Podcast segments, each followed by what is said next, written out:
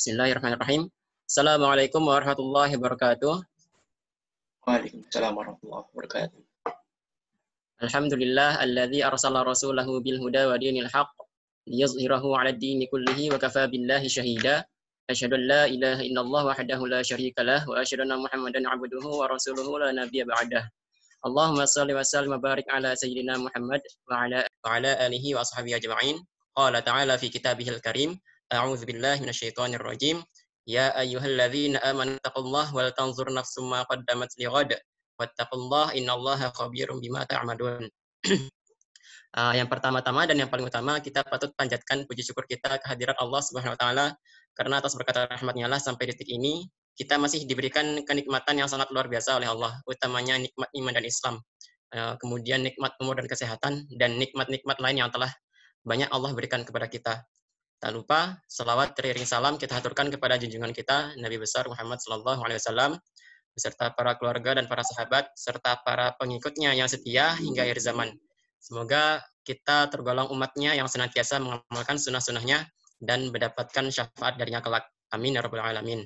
Uh, pertama-tama saya ucapkan uh, ahlan wa sahlan uh, khusus kepada Ustadz kita Ustadz Khalili Hasib dan kemudian teman-teman yang menyempatkan diri untuk hadir di majelis daras kitab risalah untuk kaum muslimin. Uh, insya uh, rutin. kemudian uh, saya mewakili teman-teman kajian pelepah kurma bersama dengan Indonesia Tanpa Jil chapter Surabaya dan chapter Malang juga uh, menginfokan kepada teman-teman jika teman-teman ingin mengulang atau memurojaah materi-materi yang telah kita daras sebelumnya yang barangkali di pertemuan sebelumnya teman-teman belum sempat untuk hadir di daras kita sebelumnya bisa teman-teman akses di Spotify kajian pelepah kurma. Ya Spotify kajian pelepah kurma. Uh, kalau di sebelumnya kita sudah membahas tentang uh, identity crisis uh, dan generation gap yang membahas uh, tentang adanya gap antar generasi pada suatu masyarakat tatanan masyarakat barat uh, yang intinya tiap generasi tersebut, tiap generasi yang ter, yang ada di tatanan masyarakat barat masih kebingungan dalam mencari uh, tujuan dan makna hidup. Nah, uh, kebingungan akan mencari tujuan dan makna hidup sebenarnya kalau kita balik lagi ke uh, peranggan sebelumnya di buku di kitab yang sama juga itu sebenarnya merupakan bagian dari asas uh, peradaban barat salah satu asas peradaban barat yaitu asas tragedi Artinya pencarian yang tiada akhir, mencari tapi tidak pernah mencapai apa yang dia cari. Nah, uh, kurang lebih seperti itu uh, rangkuman dari materi sebelumnya. Dan untuk malam ini, insya Allah kita akan melanjutkan perenggan ke-33, uh, membahas kelanjutan dari materi sebelumnya. Tanpa perlu berlama-lama lagi, saya persilakan kepada Ustadz untuk menyampaikan darasnya. Ustadz. Bismillahirrahmanirrahim. Assalamualaikum warahmatullahi wabarakatuh.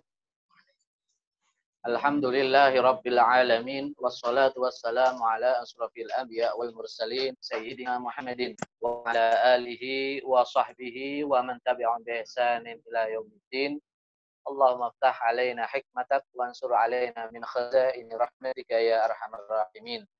Alhamdulillahi rabbil alamin kita pada malam hari ini melanjutkan kembali daras risalah untuk kaum muslimin. Kita sampai pada uh, perenggang 33.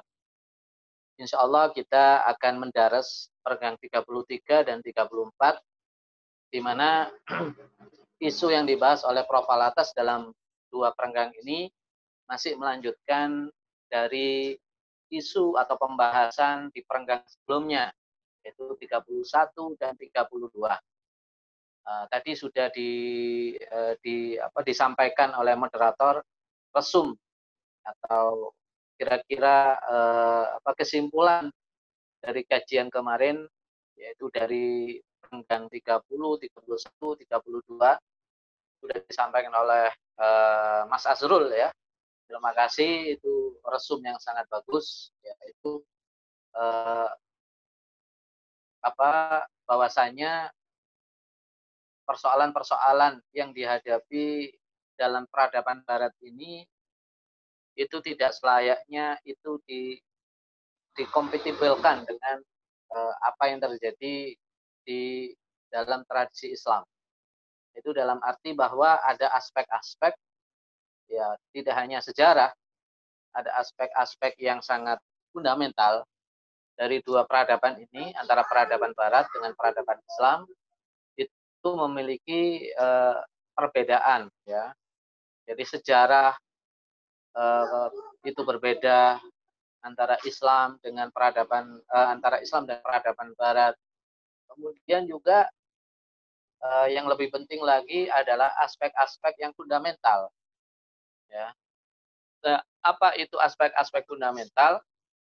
Aspek-aspek yang fundamental itu sebetulnya adalah apa yang kemudian dikatakan oleh Prof. Alatas sebagai Islamic world view atau pandangan alam Islam.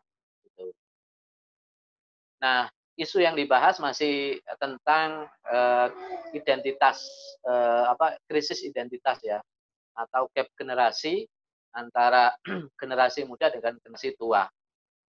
Jadi profil atas ini sangat jeli ya melihat isu-isu atau persoalan yang dihadapi masyarakat dalam peradaban barat ini sangat jeli. Jadi sampai pada soal uh, identitas, pada soal masyarakat, identitas masyarakat.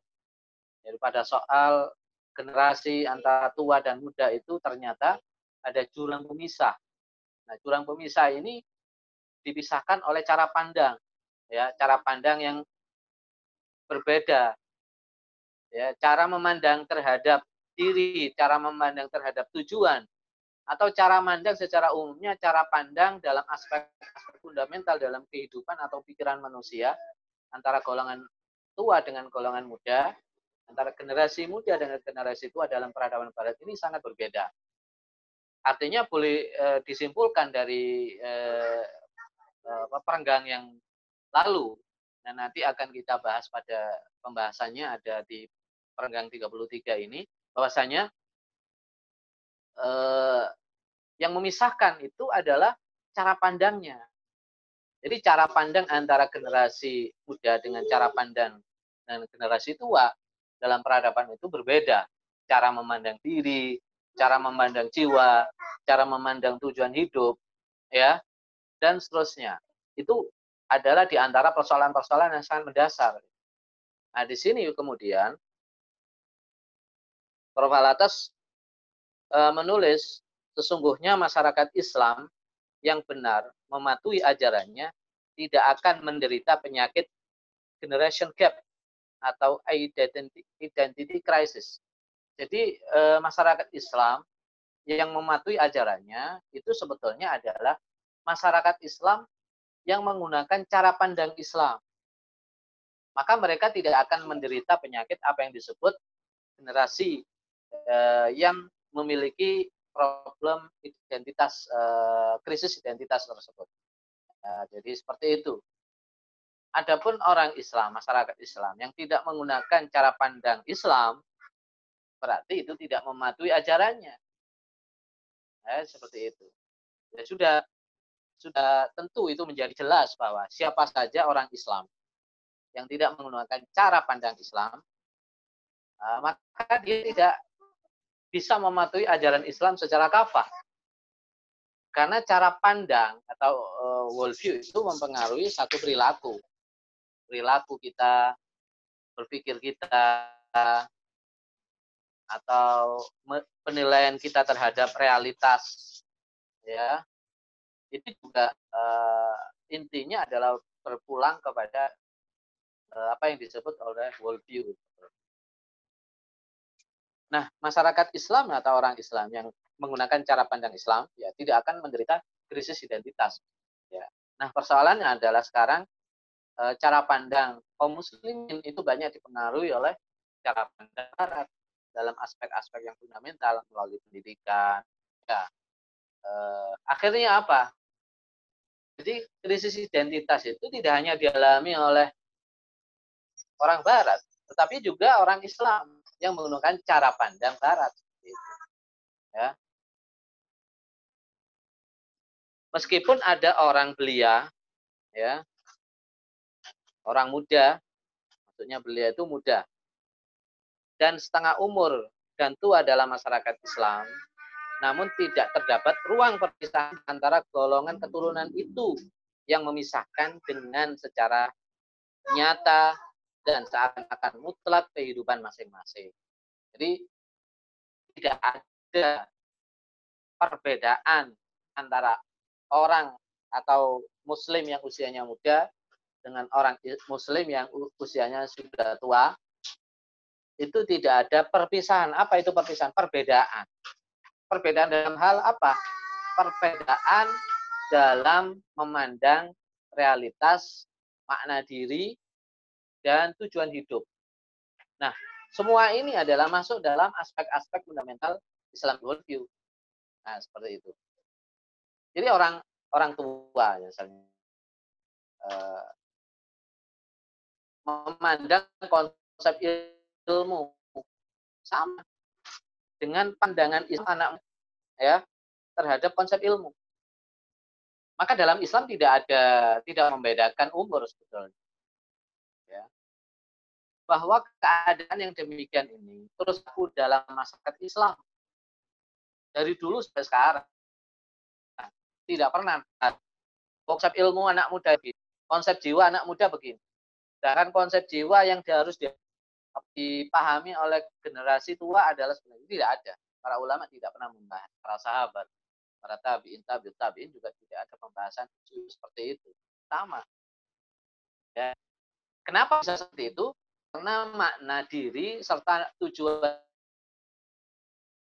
hidup, nilai-nilai hidup Eh, dijadikan panutan bagi kaum muslimin sudah jelas, sudah terang, sudah diterangkan oleh para nabi, oleh nabi kita Rasul Sallallahu diterangkan oleh para ulama ya.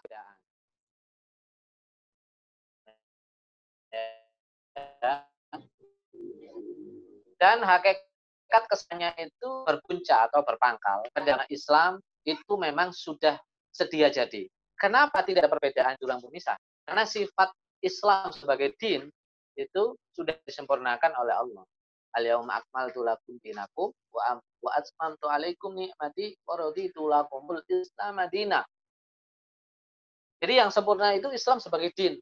Yang sempurna apanya? Yang final apanya? Yang sempurna dan final itu aspek-aspek Islamic worldview tentang uh, God, Eh, konsep tentang Tuhan, konsep tentang wahyu. Ya.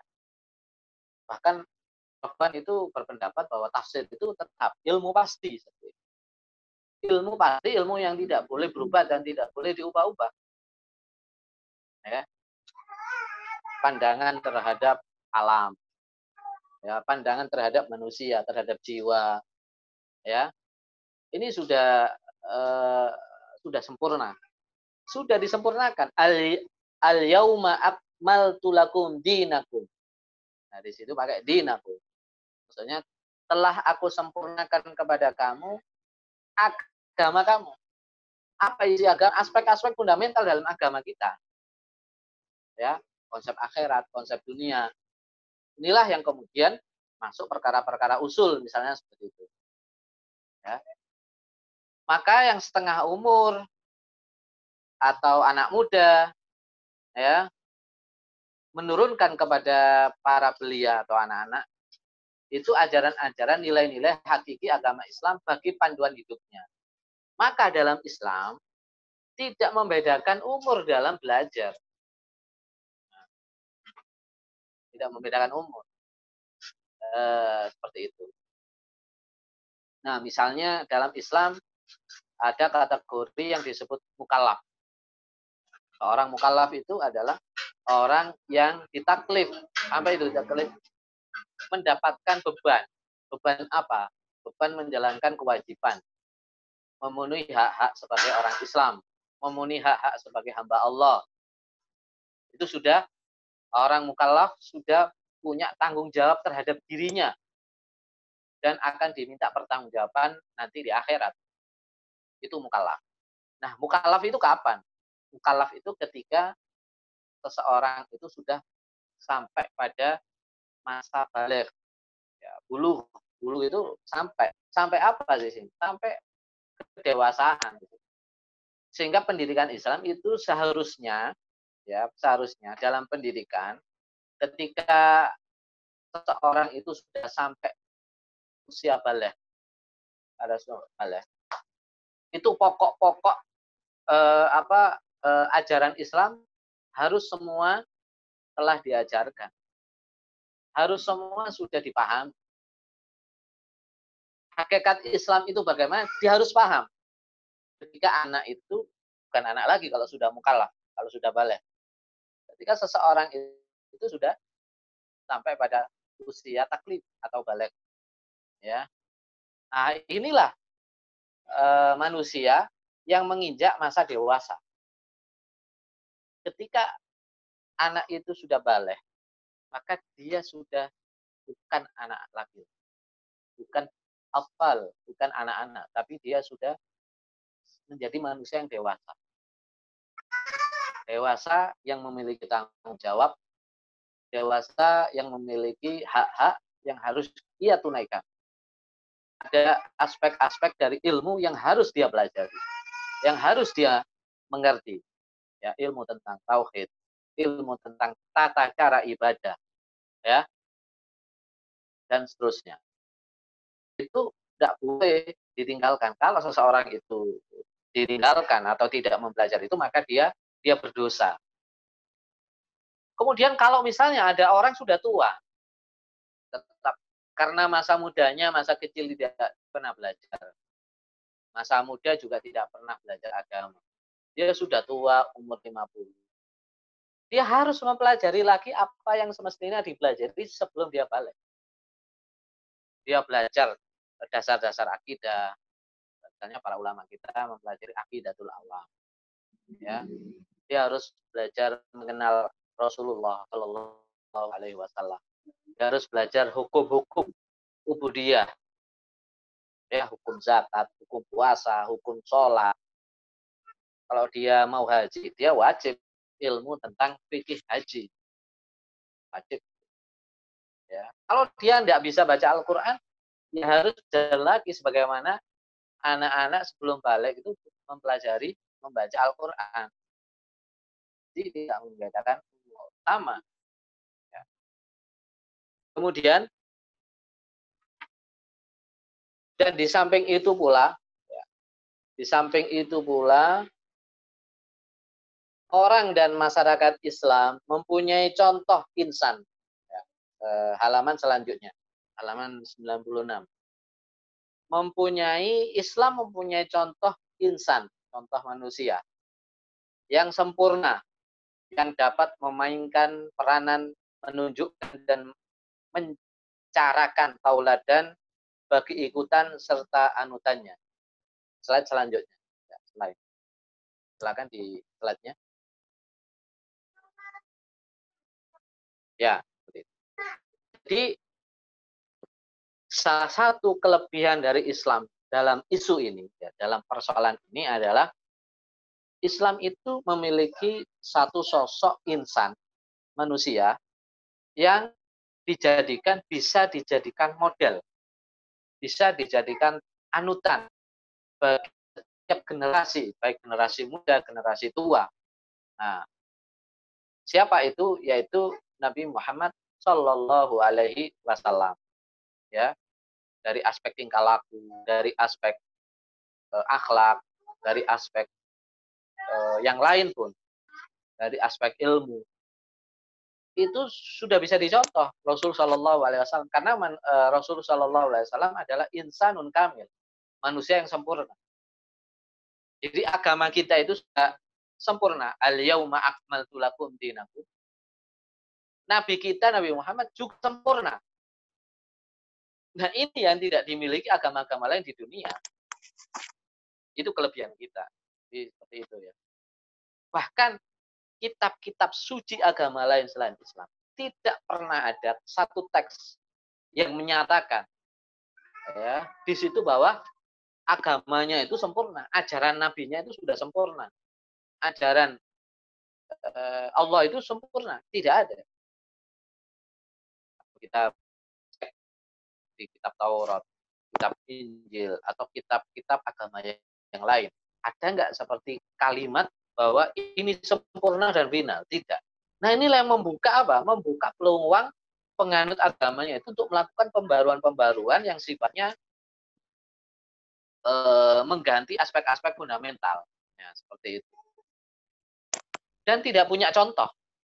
Ya, yang contoh yang seperti Nabi kita Muhammad Shallallahu Alaihi Wasallam yang sempurna, insanun kamil, manusia yang sempurna. Rasulullah itu uh, ada satu kitab penting ya untuk uh, uh, apa untuk mengetahui uh, bagaimana sempurnanya Rasul Shallallahu Alaihi Wasallam yaitu uh, Muhammad Insanun Kamil ditulis oleh Profesor Syed Muhammad uh, Alwi Al Maliki nah, itu kita bagus. Di situ dijelaskan bahwa uh, akal Rasulullah itu sudah sempurna. Ilmu Rasulullah sempurna akhlak adab Rasulullah itu sudah sempurna. Nah, kesempurnaan inilah itu yang layak kita jadikan model uh, kita dalam hidup. Ya, kadang-kadang kita memang harus ya harus uh, ber, berkaca untuk supaya menjadi orang baik itu kita harus berkaca, berkaca kepada orang. Ya, kita berkaca pada Rasul Shallallahu Alaihi Wasallam bagaimana e, membangun rumah tangga yang baik misalnya. Ya, kita berkaca kepada Rasulullah Shallallahu Alaihi Wasallam. Bagaimana menjadi pemimpin yang baik, memimpin masyarakat, memimpin, memimpin negara yang baik. Kita bisa contoh Rasul Shallallahu Alaihi Wasallam. Bagaimana menjadi panglima yang baik. Bagaimana menjadi uh, orang yang sabar, orang yang dermawan, orang yang peduli kepada sesama, manusia. Itu semua sudah ada dalam diri pribadi Rasul Shallallahu Alaihi Wasallam. Ya, kita tidak perlu mencontoh manusia yang lain itu.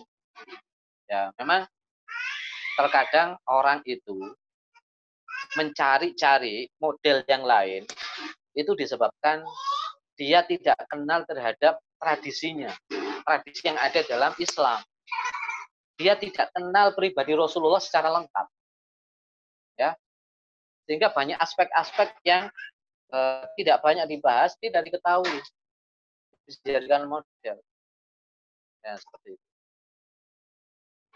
Uh, kemudian juga misalnya mereka kemudian mengambil model-model atau konsep-konsep uh, dari peradaban yang lain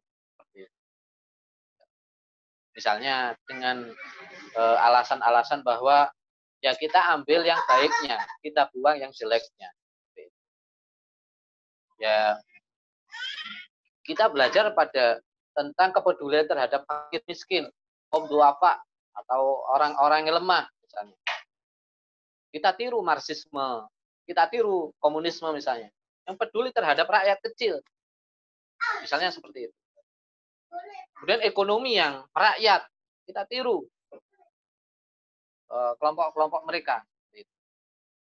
Apakah dalam Islam tidak ada seperti itu? Ada, ya, ada semua ada. Kenapa mereka mencari model yang seperti itu? Orang sebagian orang-orang Islam mencari model-model yang lain karena mereka tidak kenal Rasulullah SAW. Atau mereka juga tidak kenal para ulama-ulama kita ya.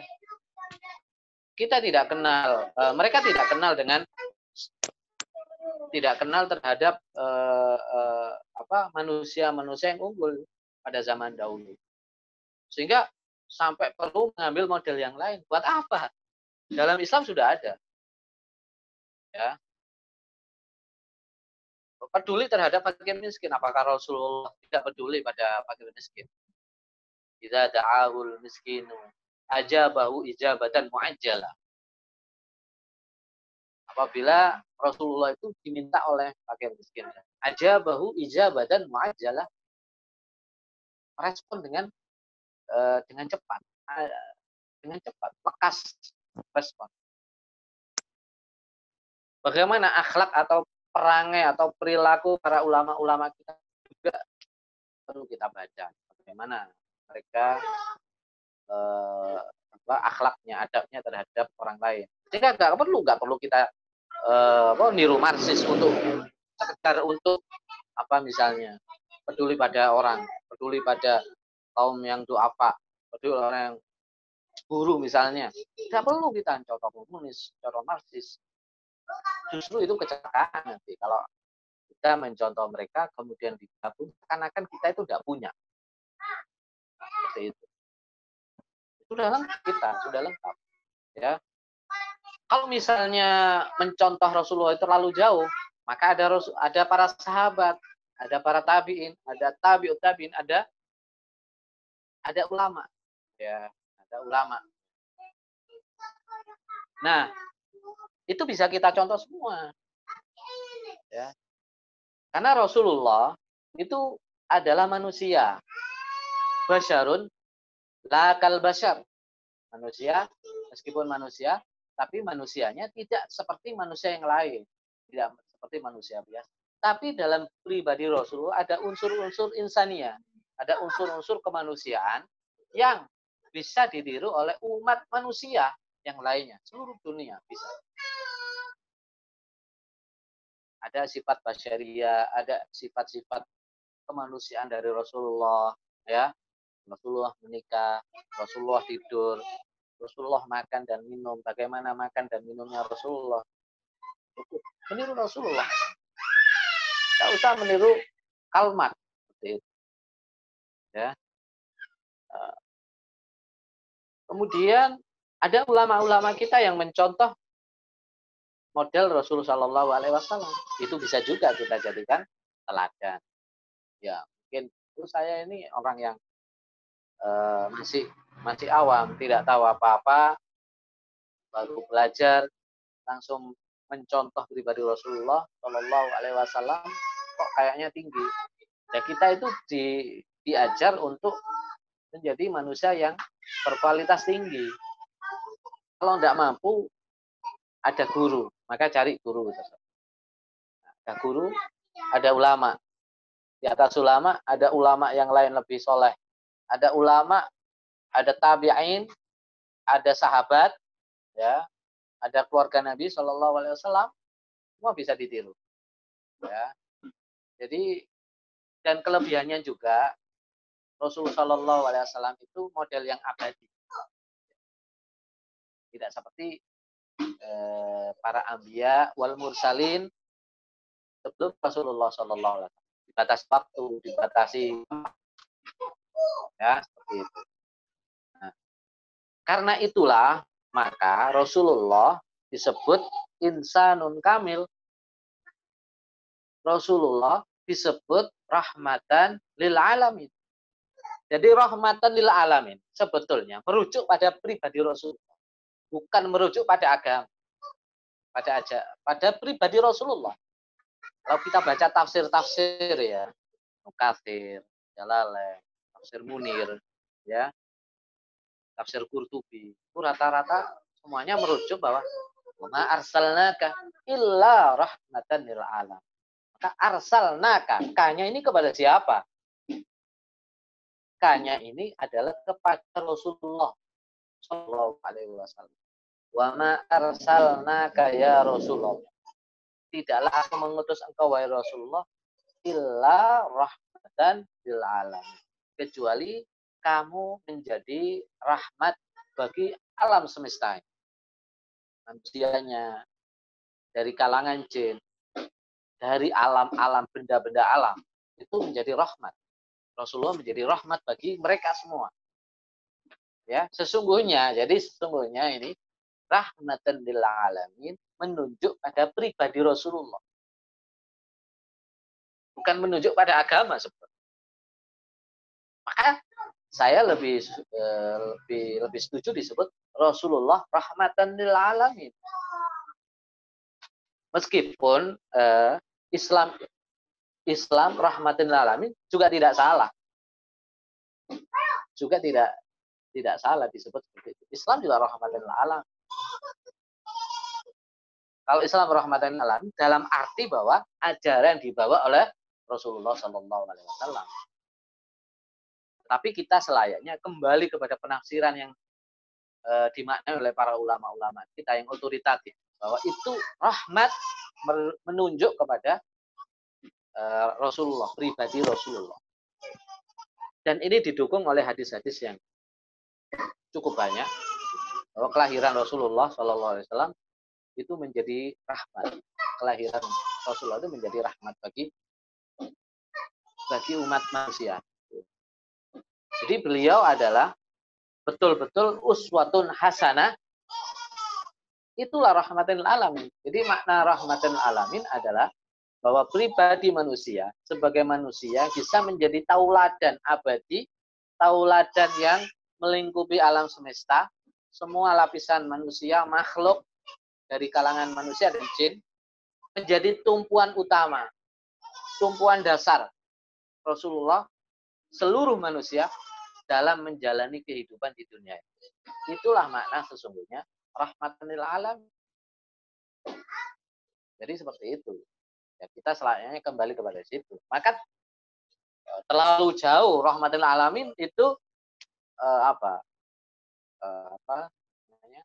Uh, toleransi. Tidak tidak ada kaitannya di sini. Rahmatan lil alamin tidak ada kaitannya dengan toleransi. Agama Islam agama toleransi. Tapi penyebutannya jangan salah bahwa rahmatan alamin itu bukan toler bukan dalam pembahasan aspek-aspek toleransi tidak. Isu yang dibawa kalimat rahmatan alamin dalam Al-Qur'an itu bukan dalam konteks uh, hubungan antar agama, antar agama Islam dengan agama yang tidak. Ya. Bukan dalam konteks Islam itu menghormati peribadatan agama lain, tidak. Kalau konteksnya itu hubungan agama Islam dengan agama yang lain, atau hubungan apa Islam menghormati agama yang lain, ada ayat yang lain yaitu surat Al-Kafirun. Qul ya ayyuhal kafirun la a'budu ma ta'budu. Ini surat toleransi. Tapi namanya surat Al-Kafirun. Isinya toleransi. Ya, kalau rahmatan alamin bukan. Tidak ada seperti itu ya. Dalam konteks rahmatan alamin adalah dalam konteks seperti yang dijelaskan oleh Prof. Alatas bahwa beliau pribadi Rasulullah itu menjadi rahmat. Apa itu menjadi rahmat? Kasih sayang apa? Ya Rasulullah bisa menjadi tauladan manusia yang abadi dan yang sempurna. Gitu. Kemudian perenggang kita lanjutkan perenggang 34 ya. Justru sesungguhnya walaupun agama Kristen, nah tadi pandangan Islam. Halaman selanjutnya halaman eh, slide selanjutnya. Justru sesungguhnya walaupun agama Kristen senantiasa berdaya upaya mencoba memberikan panduan serta bimbingan bagi kebudayaan Barat, niscaya diri perseorangan dan masyarakatnya dapat memperoleh makna hidupnya ya namun demikian agama itu gagal juga dalam usahanya sebab tidak berjaya menanamkan keyakinan yang sejati dalam kalbu diri dan masyarakat barat mengenai kebenaran dasar-dasarnya. Nah, ini. Jadi dalam perenggang 34, Prof. Falatas ingin membandingkan dengan apa? Dengan posisi agama Kristen yang menjadi salah satu unsur unsur utama yang menjadi uh, unsur utama dalam peradaban barat. Dalam kebudayaan barat khususnya dalam persoalan teologi. Jadi dalam persoalan teologi barat itu menganuti uh, agama Kristen dan Yahudi. Tetapi lebih banyak agama Kristen. Lalu bagaimana peran agama Kristen dalam uh, kebudayaan barat ini? Maksudnya dalam aspek apa? Maksudnya dalam aspek eh, panduan hidup sebagai panduan hidup. Di sini Prof. Alatas eh, cukup apa?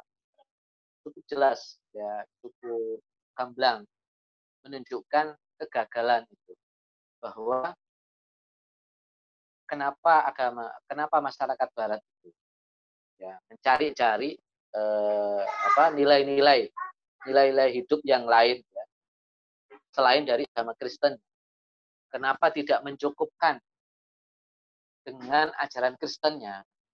Nah, kenapa seperti itu? Hal disebabkan tidak sempurnaan dari ajaran Kristen. Jadi, Kristen mem, uh, gagal dalam membimbing masyarakat Barat untuk mengenal jati diri, untuk uh, mengenal tujuan hidup. Kenapa seperti itu? Ada dua faktor yang dijelaskan di sini, ya.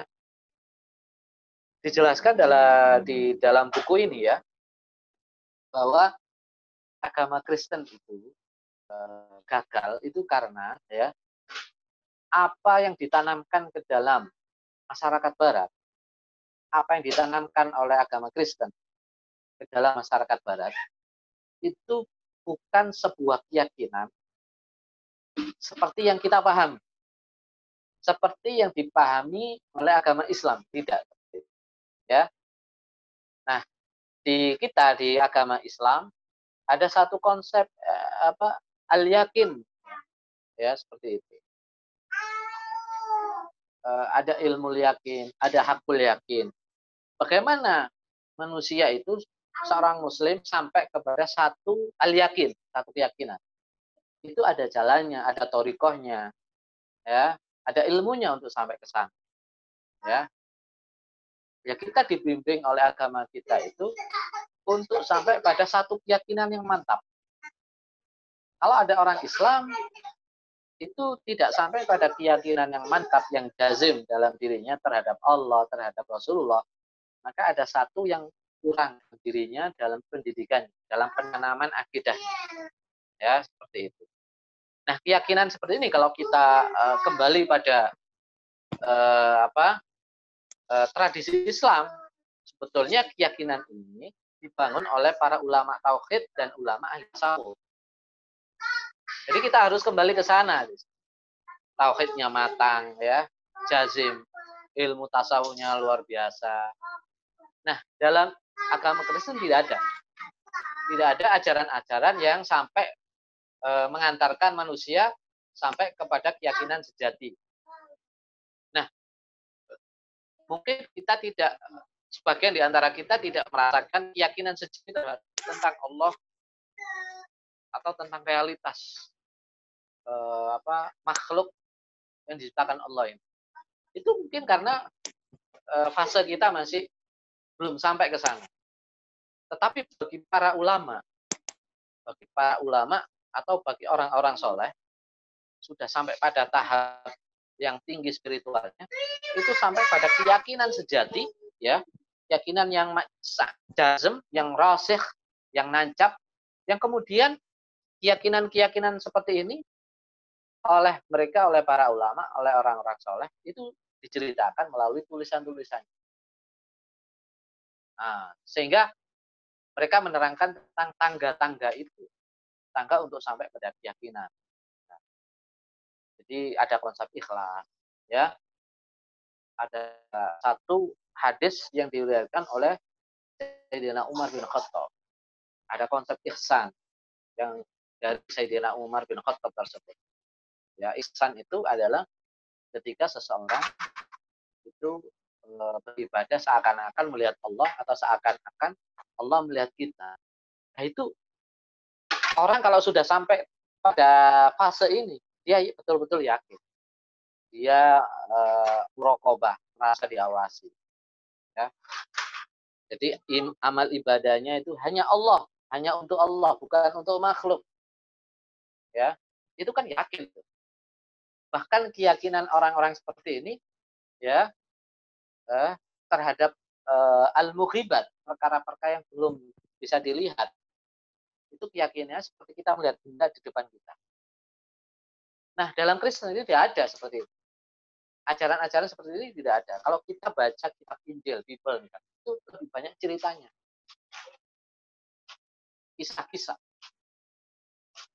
tidak ada apa tidak ada ajaran disebut dalam dalam tradisi Islam misalnya suluk misalnya satu tahapan perjalanan spiritual manusia untuk sampai kepada taraf yang tinggi tidak ada. Padahal di situlah manusia bisa mencapai keyakinan. Maka inilah kemudian Barat itu kemudian meninggalkan agamanya sehingga menjadi apa? Sekuler. Karena agama yang mereka jadikan panduan gagal memberi keyakinan yang mantap. Lalu Barat mengambil filsafat. Filsafat pun tidak memuaskan dalam mencari keyakinan yang sejati. Filsafat itu dibangun atas teori yang spekulatif. Maka mereka hanya mendapatkan syak atau don. Ya, kalau tidak ragu-raguan ya setengah ragu gitu. Don, syak, itulah yang membuat mereka tidak bahagia. Maka mereka mencari konsep-konsep, akhirnya menemukan konsep tragedi yang diambil dari eh, peradaban Yunani yang sudah kita terangkan pada beberapa pertemuan yang lalu. Ya. Itu faktor pertama. Faktor kedua, di sini dijelaskan ya, tidak saya baca, tapi saya simpulkan. Ada kehampaan agama. Ada kekosongan untuk mengangkat model manusia sempurna. Maksudnya di sini adalah agama Kristen ya yang seharusnya itu menjadi panduan dalam peradaban barat itu gagal memberi eh, sosok manusia tauladan dari kalangan mereka dari kalangan agama Nabi Isa.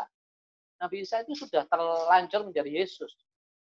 Sudah terlanjur menjadi manusia yang dituhankan ya manusia yang tidak eh, seperti kalbashar dalam aspek-aspek yang lain juga tidak banyak. Apalagi Nabi Isa itu eh, dakwanya tidak apa tidak lama sebentar. Jadi tidak bisa dijadikan model. Beda dengan kita agama Islam ya. Eh, apa kita punya Rasul Shallallahu Alaihi Wasallam yang teladannya itu sampai akhir zaman. Tidak dibatasi oleh waktu ya, beliau meninggal tetap kita uh, tiru. Kita teladani Rasul Shallallahu Alaihi Wasallam. Bagaimana caranya kita mempelajari kitab-kitab sirah?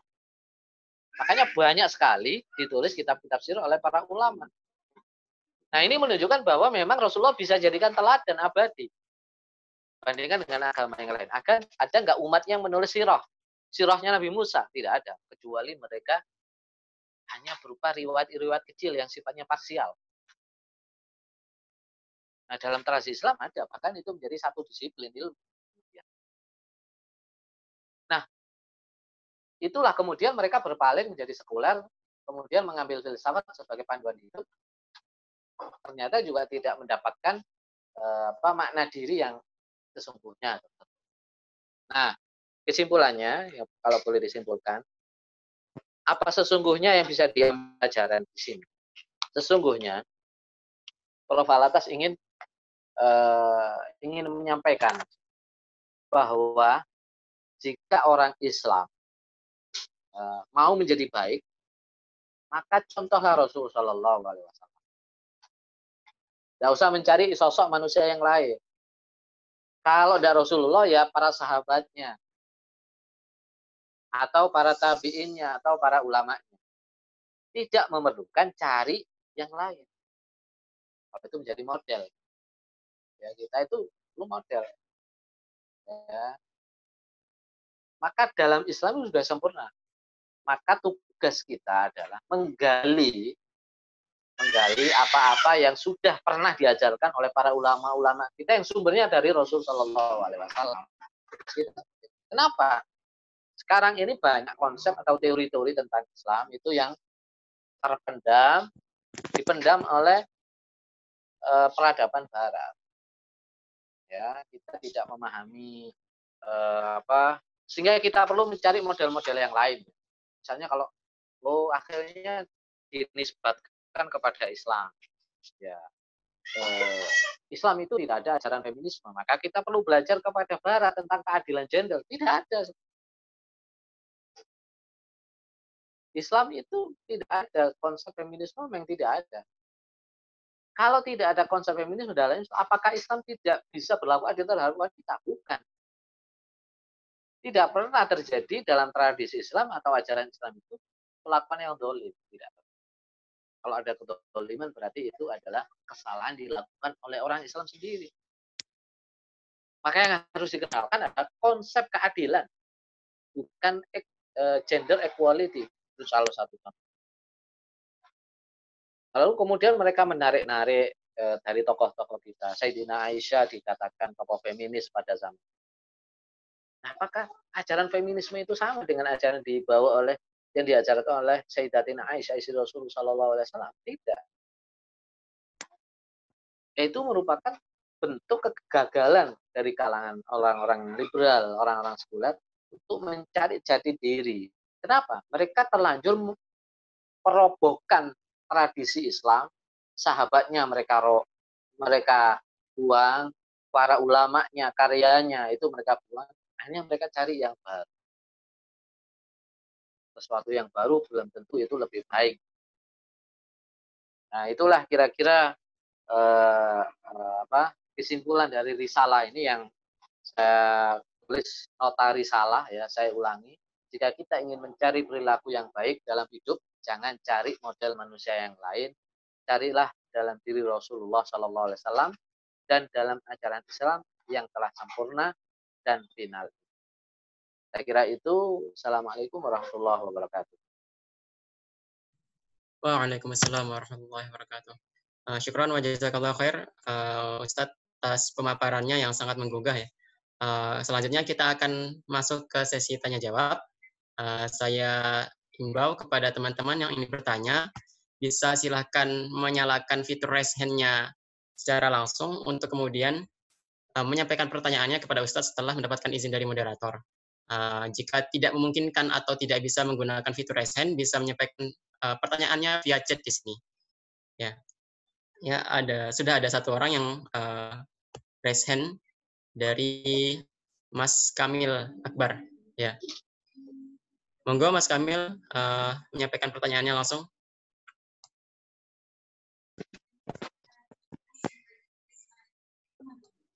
Ya, silakan. Ya. Bismillahirrahmanirrahim. Assalamualaikum warahmatullahi wabarakatuh, Ustaz.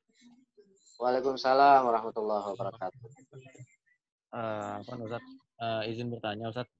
Uh, tadi kan ada uh, statement dari Ustadz yang mengatakan bahwa uh, kalau kita ingin menjadi model manusia yang baik, kita harus mencontoh Rasulullah dan itu memang satu hal yang suatu keniscayaan untuk kita sebagai umat Nabi Muhammad SAW.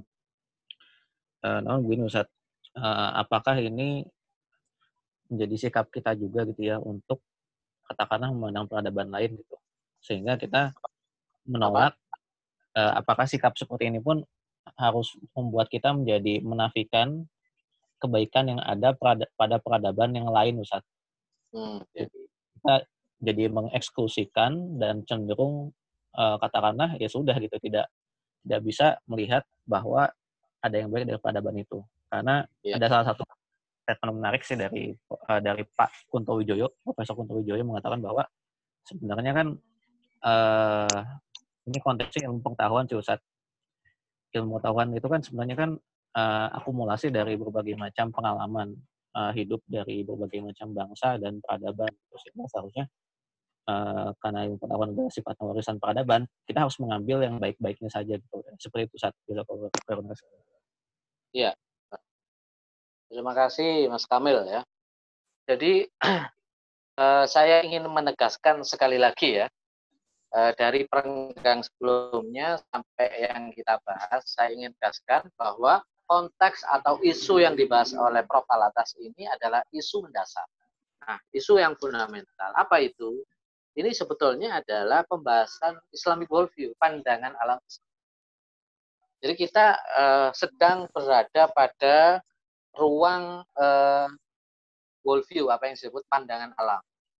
Ya, Prof. Alatas menyebut pandangan alam Islam itu ru'yatul Islam lil wujud. Ya. Atau terjemahnya the world view of Islam. Sebagaimana sudah dijelaskan oleh Prof. Alatas dalam buku Prologomena itu atau dalam Islam dan sekularisme ada sekitar sembilan elemen dasar dari eh, pandangan alam Islam. Kalau itu disebut sebagai pandangan alam Islam, maka itu menjadi sesuatu yang eh, sifatnya eh, tidak menerima perubahan. Di pandangan hidup Islam yang sembilan elemen itu, konsep Tuhan, konsep wahyu, konsep manusia, konsep jiwa, konsep ilmu, konsep kebahagiaan, konsep apa hidup, ya, dan seterusnya, itu tidak menerima perubahan-perubahan. Yang disebut profil atas itu tentang makna diri, itu konsep jiwa.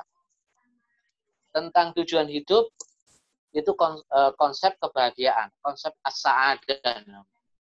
Yang berbeda dengan as Nah, ini yang konsep-konsep seperti itu. Itu tidak bisa diambil. Dari peradaban yang lain tidak bisa. Konsep-konsep yang ini bukan sekedar filosofis ya. Eh, bukan sekedar filosofi kalau sudah bicara worldview itu bukan sekedar filosofis. Kalau filosofi itu itu masih ada perubahan. Mendasar tapi bisa berubah juga. Aspek dasar tapi bisa berubah. Filsafat itu dari istilah pemikiran. Nah, kalau sudah worldview itu di atas as, uh, pandangan filosofis. Ya. Di atasnya itu yaitu tentang konsep wujud manusia misalnya. Di mana e, kalau kita lihat ya konsep-konsep yang dibahas oleh Prof Alatas dalam elemen-elemen dasar pandangan ilmu Islam itu itu fondasinya di konsep wujud. Semuanya apa pertalian nanti itu berhubungan dengan konsep wujud. Ya, seperti itu.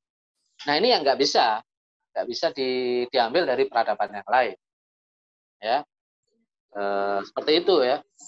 Nah, ada adapun eh, konsep-konsep yang e, itu yang bukan dari elemen dasar dari pandangan hidup Islam, ya tentu saja itu bisa diambil. Sains dan teknologi itu tidak masuk aspek yang fundamental. Ya. Sains dan teknologi itu ada aspek fundamentalnya, yaitu filsafat ilmu. Nah, filsafat ilmu ada aspek yang mendalam lagi, lebih dalam dari filsafat ilmu. Filsafat ilmu masih sudah sudah mendasar, tapi ada lebih mendasar dari filsafat ilmu, yaitu epistemologi. Ya, ada lebih mendasar lagi dari isi dari epistemologi apa itu? Konsep ilmu. Nah, inilah dari konsep misalnya ini, konsep ilmunya itu tidak berubah, teknologinya bisa bisa mengalami perubahan. Sains alam dan sains sosial bisa mengalami perubahan.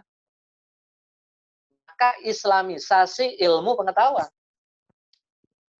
Jadi yang diislamkan di aspek yang sangat inti ini.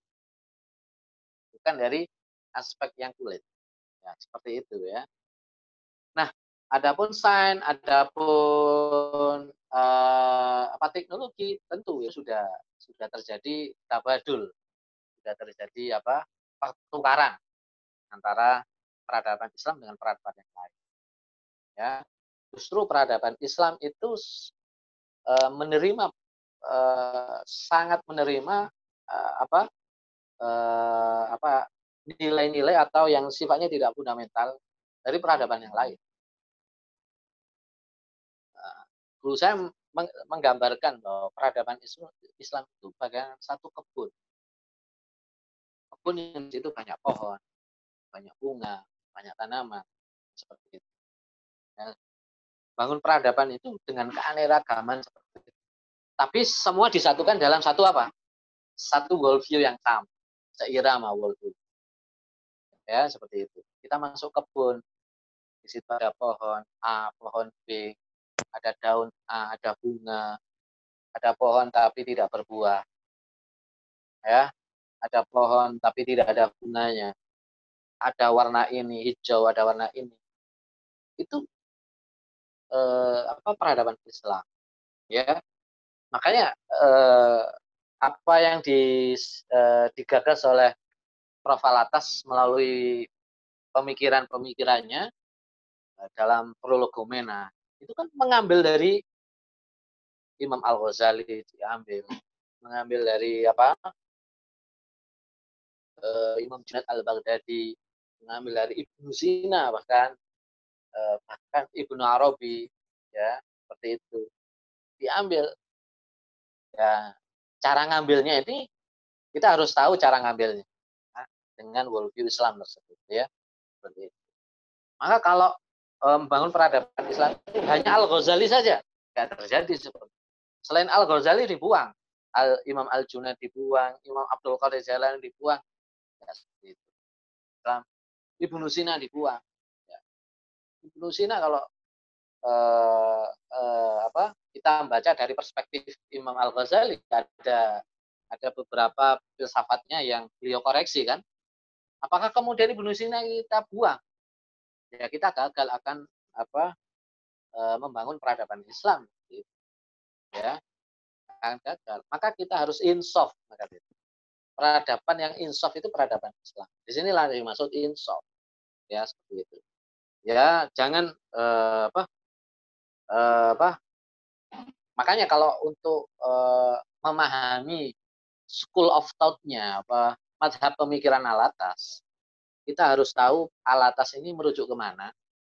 Kemudian kita harus hormat dulu pada yang dirujuk itu. Kalau kita sudah membuang dulu apa yang dirujuk Prof. Alatas, maka kita gagal untuk apa? Untuk memahami, memahami school of thought-nya Prof. Alatas. Seperti itu. Jadi misalnya, eh, sejak eh, awal guru-guru langsung membuang Ibnu Sina. Nah, Ibnu Sina itu Syiah Ibnu Sina ini Zindik Ibnu Sina ini Mu'tazili Ibnu Sina ini filsafat yang Yunani. Maka jangan mendirikan rumah sakit yang namanya Ibnu Sina maka jangan mendirikan sekolah yang namanya Ibnu Sina ya seperti itu. Jadi sampai nama-nama pun mereka mereka tahdir. Nah kalau sudah sejak awal mentahdir ini dan itu maka kita gagal memahami aspek-aspek bagaimana membangun peradaban Islam. Nah, nah kita sebagai orang Islam yang kita tahrir itu pandangan hidup Barat. Nah, pandangan hidup Barat itu konsep-konsep yang dasar sekali itu yang yang kita kita kita buang ya seperti itu.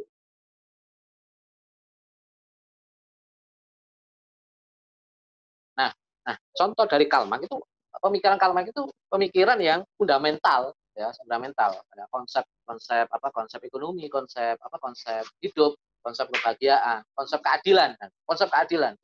Itu aspek fundamental dalam peradaban Islam. Maka ya tidak bisa diambil. Cuma kalau misalnya Karl ini misalnya pintar membuat uh, dia pandai dalam membuat uh, apa kursi misalnya. Apakah gara-gara Karl ini ya Marxis komunis, ateis. Kemudian karya kursinya misalnya ya, dia bisa menghasilkan kursi yang baik. Kita buang, ya tidak. Itu aspek sainsnya. Nah, aspek sainsnya bisa kita ambil. Monggo kita. Kita ambil. Kita belajar. Bagaimana teori membuat kursi yang baik menurut Karl Boleh kita ambil. Boleh. Karena itu bukan aspek yang fundamental. Itu sainsnya yang bisa kita ambil. Konsep ilmunya, nah kita kembali pada tradisi Islam. Nah, konsep sainsnya boleh kita kalmat ya, atau imam ini atau ini itu kita boleh kita ambil. Jadi eh, eh, apa yang dibahas oleh Prof. Alatas ini dalam konteks Islamic worldview. Memang risalah kaum muslimin ini pembahasannya banyak Islamic worldview. Memang nggak disebut the worldview of Islam ya. Sebutan ini nanti di prolegomena to the, to the metaphysics of Islam. Tapi sebetulnya fundamen-fundamen Islamic worldview itu ada di risalah muslim. Seperti itu. Allah alam. Dan mudah bisa dipahami Kamil ya. Uh, baik Ustaz, uh, lanjut ke pertanyaan selanjutnya. Di sini ada dua pertanyaan Ustaz yang bisa saya rapel jadi satu ya Ustaz. Uh, untuk pertanyaan pertama dari Mas Muhammad Abdan Syakuro dari Bandar Lampung uh, tadi sempat dijelaskan uh, terkait uh, pernyataan Prof. bahwasanya ilmu tafsir itu merupakan satu ilmu yang pasti. Nah, uh, yang menjadi pertanyaan adalah kenapa buku tafsir yang uh, ada dari peradaban Islam masa dahulu sampai sekarang itu berbeda-beda dan banyak. Itu yang pertama. Terus yang kedua, pertanyaan dari Mbak Rahmi Ayunda, asal Sumedang. Uh, pencarian barat dalam spiritualitas di masa sekarang trennya kalau tidak menjadi ateis, banyak yang menjadi Buddhis. Nah, artinya yang uh, menganut ajaran Buddha. Uh, sebagaimana fenomena gaya hidup vegan dan yoga juga ngetren di sana. Nah, apakah ada pandangan Prof. Alatas tentang hal ini, Ustaz? Kemudian saya kurang mengerti tentang apa yang didengungkan Barat dengan spiritual tanpa perlu religius. Bagaimana pendapat Ustadz tentang hal ini? Monggo Ustadz dijawab pertanyaannya. Yang pertama dari Lampung ya. Uh, yeah. Jadi begini, uh, apa apa dari pertanyaannya? Bisa dibaca lagi? Supaya nggak uh, supaya nggak nggak ada yang miss ya. Supaya nggak ada miss seorang dibaca lagi. Oh ya uh, pertanyaannya kalau memang tafsir itu ilmu pasti tafsir, sebagaimana ya. ya sebagaimana yang dinyatakan Prof. Wan tadi kenapa buku tafsir ya. sekarang berbeda-beda dan banyak? Iya jadi perbedaan uh, kitab-kitab tafsir ya kalau bicara tafsir kita bicara tafsir yang otoritatif apa itu tafsir otoritatif? Tafsir yang di, diakui uh, oleh para ulama dari zaman dulu sampai zaman sekarang. Ya, ada Ibnu Abbas, ya, ada At-Tabari, ada Ibnu Katsir, ada Jalalain atau yang lainnya, ada Al-Munir, ya, atau ringkasan-ringkasan, ada Tafsir Al-Kabir, ya. Nah, itu memang kalau kita baca itu punya speknya masing-masing. Kalau Al-Qurtubi misalnya, karena beliau ini Imam Qurtubi. Beliau seorang kodi di Cordoba. Jadi Qurtubi Cordoba. Beliau seorang kodi ahli fikih. Maka tafsirnya itu tafsir yang bercorak hukum. Maka tafsir Qurtubi disebut tafsir ayatil ahkam. Jadi menafsirkan ayat-ayat itu, kemudian di situ dijelaskan hukum-hukum yang terkandung di dalam. Ada tafsir yang uh, pada aspek bahasa, menekankan pada aspek bahasa. Ada tafsir yang menekankan pada aspek ilmu kalam atau uh, ilmu pengetahuan, misalnya tafsir Al-Kabirnya Imam Fakhruddin Ar-Razi. Atau tafsir yang uh, menekankan pada penafsiran-penafsiran berdasarkan riwayat-riwayat hadis atau asar-asar para sahabat. Siapa itu? Yaitu tafsir Ibnu Katsir. Karena Ibnu Katsir seorang ahli hadis, pakar dalam hadis. Nah, ini perbedaan ini perbedaannya disebut eh, apa mutanawwi, variatif. Tidak ada tafsir-tafsir itu yang perbedaannya usul ya. Ada aspek-aspek yang usul tidak ada. Sehingga itu saling melengkapi. Ya, perbedaan itu ada tapi dalam aspek yang doni. Yang doniat. Nah, itu tentang ikhtilafu at-tafasir. Perbedaan-perbedaan kitab tafsir. Ya. Nah, kita kembali kepada pernyataan Prof. Wan bahwa tafsir itu ilmu yang pasti. Tidak boleh salah. Prof. Wan mengatakan bahwa tafsir itu pasti, itu maksudnya adalah tafsir itu tidak boleh ya, tidak boleh melanggar aspek-aspek yang fundamental. Ya. Kalau ada penafsir yang melanggar aspek-aspek fundamental, maka tidak bisa disebut tafsir. Nah, tafsir itu dari Rasulullah. Ya, kan ada itu hadis Rasulullah SAW tidaklah aku mengutus engkau wahai Muhammad itu bayina manuzila ilaihi kecuali untuk menjelaskan apa yang telah aku turunkan kepada engkau yaitu Al-Qur'an. Lalu penafsiran disampaikan kepada para sahabat.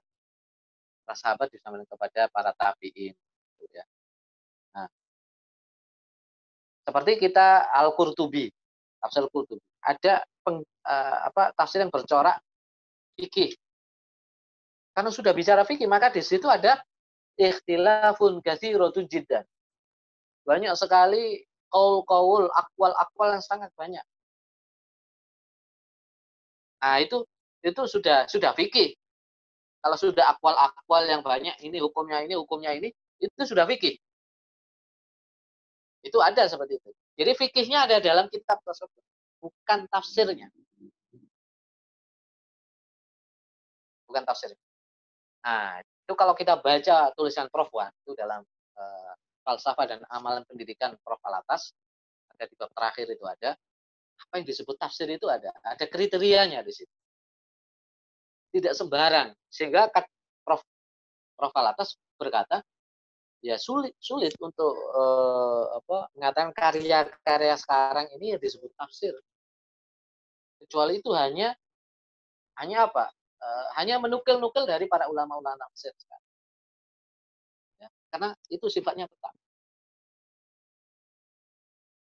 kenapa di situ bisa bersifat tetap karena makna bahasa itu makna bahasa Arab itu dijaga dengan nahu sorofnya.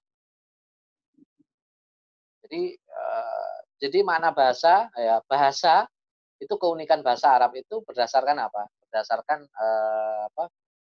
Uh, derivasi. Ya. Derivasi itu kita pelajari dalam ilmu sorof. Dorobaya ribu dorban, mama dorban kau doribun. Aslama yuslimu islaman. Misalnya, aslama yuslimu islaman dari kata Islam itu dari kata aslama yuslimu islaman. Aslama yuslimu islaman. Aslama itu apa? Yuslimu apa? Islam itu apa? Sehingga makna Islam itu diikat oleh makna fi'il madinya, fi'il mudoreknya, isim fa'ilnya, isim maf'ulnya. Itu dikelilingi nih oleh makna-makna ini. Itu sifat ilmiah dasar bahasa Arab. Nah, inilah kemudian kesimpulan Prof. bahwa karena dilindungi oleh teori seperti ini, ini belum teori-teori yang lain dalam kayak kawa itu tafsir, kaidah-kaidah tafsir.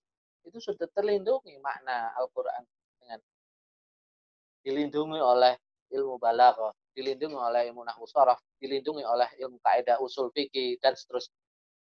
Itulah yang dimaksud tafsir itu tetap tafsir itu ilmu yang pasti.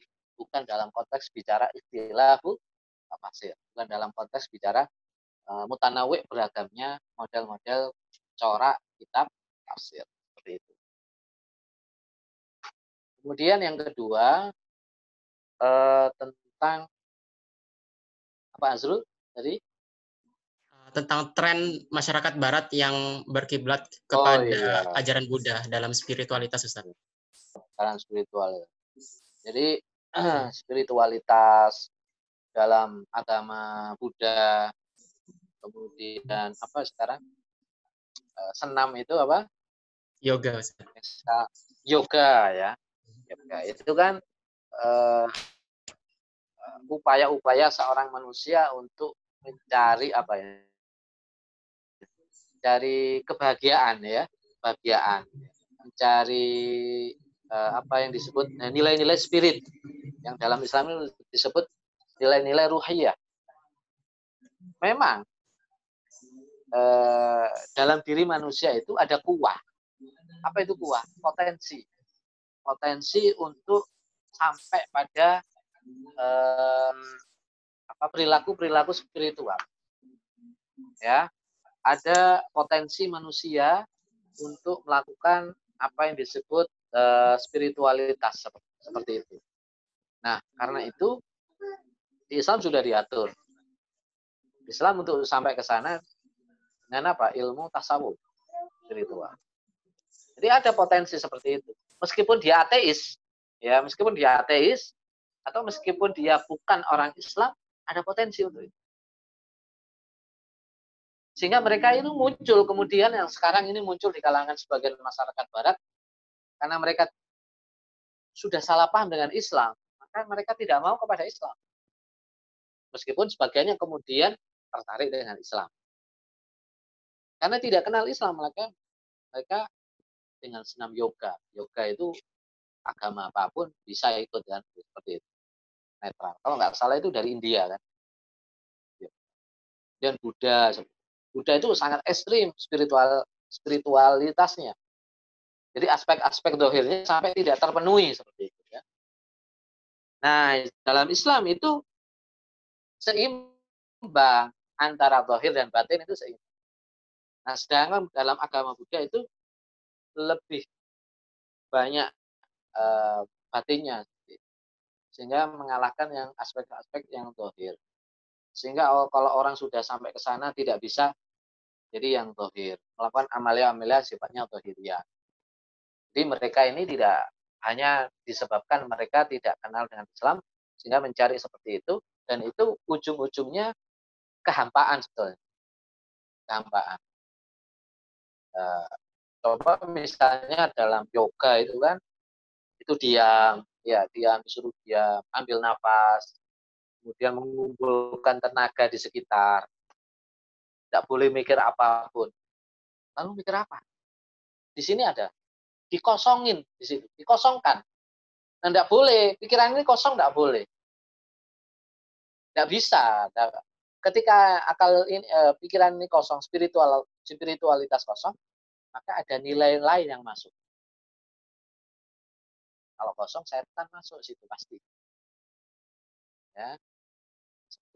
Sehingga mereka apa istilahnya eh, tidak tidak mendapatkan apa-apa sebelum kehampaan. Ya, saya kira itu kehampaan dan ke kekosongan ya seperti itu. Nah, itu semua ada dalam Islam sudah. Semua sudah di kalau kita belajar tasawuf luar biasa. Sangat luar biasa. Di situ itu kita tidak perlu lagi yoga, nggak perlu lagi meditasi, tidak perlu lagi. Sudah ada semua itu. Meditasi dengan zikir, baca Al-Quran. Coba yoga itu uh, antum ganti dengan baca Al-Quran, tapi baca Al-Qurannya seperti yang dijelaskan oleh Ihya Ulumuddin itu. Ya, baca Al-Quran sudah nggak ingat apa-apa di situ, ingatnya Allah. Disentuh saja sudah nggak bisa. Itu ada ulama sedang baca Al-Quran, saking asik masuknya. Jadi disentuh itu tidak terasa itu. Ya, terasa. Jadi dia itu jasadnya ada di sini, tapi spiritualitasnya itu sudah gak ada di situ. Nah, hmm. daripada yoga lebih baik di situ. Nah, di situ itulah yang membentuk perilaku yang baik, membentuk apa pikiran-pikiran yang baik dan itu pikiran menjadi tajam. Ya, itu seperti itu. Allahu alam bisawab. Ya, Ustaz. Uh, syukron wa jazakallahu khair Ustaz atas uh, pemaparannya dan jawabannya. Uh, berhubung keterbatasan waktu uh, dari teman-teman yang tadi sempat ingin menanyakan, mohon maaf uh, pertanyaannya tidak bisa kita sampaikan dikarenakan uh, waktu yang terbatas. Uh, izinkan saya untuk menarik kesimpulan dari pembahasan daras kita pada hari ini, uh, bahwasanya peradaban barat eh, dalam tatanan masyarakatnya antar generasi dari generasi satu dengan generasi yang lain ternyata menimbulkan uh, krisis identitas. Nah dari krisis identitas itu ternyata uh, bahwa uh, dalam masyarakat Islam. Nah sehingga kita melihat ada sebagian orang-orang uh, Islam yang menggunakan cara pandang Barat dalam melihat realitas seperti melihat uh, tentang kesenjangan, kesenjangan sosial Eh, berkiblat kepada pandangan Marxis dan seterusnya. Sebagian orang Islam mencari model lain seperti itu dikarenakan uh, mereka tidak mengenal uh, model yang telah sempurna yang terdapat dalam ajaran Islam, sebagaimana yang dicontohkan oleh Rasulullah SAW dan para sahabat. Maka di sini penting bagi kita untuk membaca dan mempelajari kitab sirah Rasulullah SAW agar kita mengenal model yang sempurna yang telah uh, diajarkan oleh ajaran Islam. Eh, kira-kira begitu kesimpulannya. Eh, sekali lagi eh, saya ucapkan terima kasih wa jazakallah khair wabil khusus kepada Ustadz yang telah menyediakan waktunya dan juga teman-teman yang menyempatkan diri untuk hadir di daras kita pada hari ini. jika ada kekurangan dan kesalahan, saya selaku perwakilan dari panitia penyelenggara mohon maaf yang sebesar-besarnya kepada teman-teman semua. baik, kita akhiri pertemuan daras kita pada hari ini dengan melafazkan hamdalah bersama-sama. Alhamdulillah. Amin. Uh, kemudian disempurnakan dengan doa kafaratul majelis. Subhanakallahumma bihamdika asyhadu an la ilaha illa anta astaghfiruka wa atubu ilaik. Ihdinas siratal mustaqim akhirul kalam. Assalamualaikum warahmatullahi wabarakatuh. Waalaikumsalam. warahmatullahi wabarakatuh. Jazakallah khair Ustaz. Sama-sama wa iyyakum.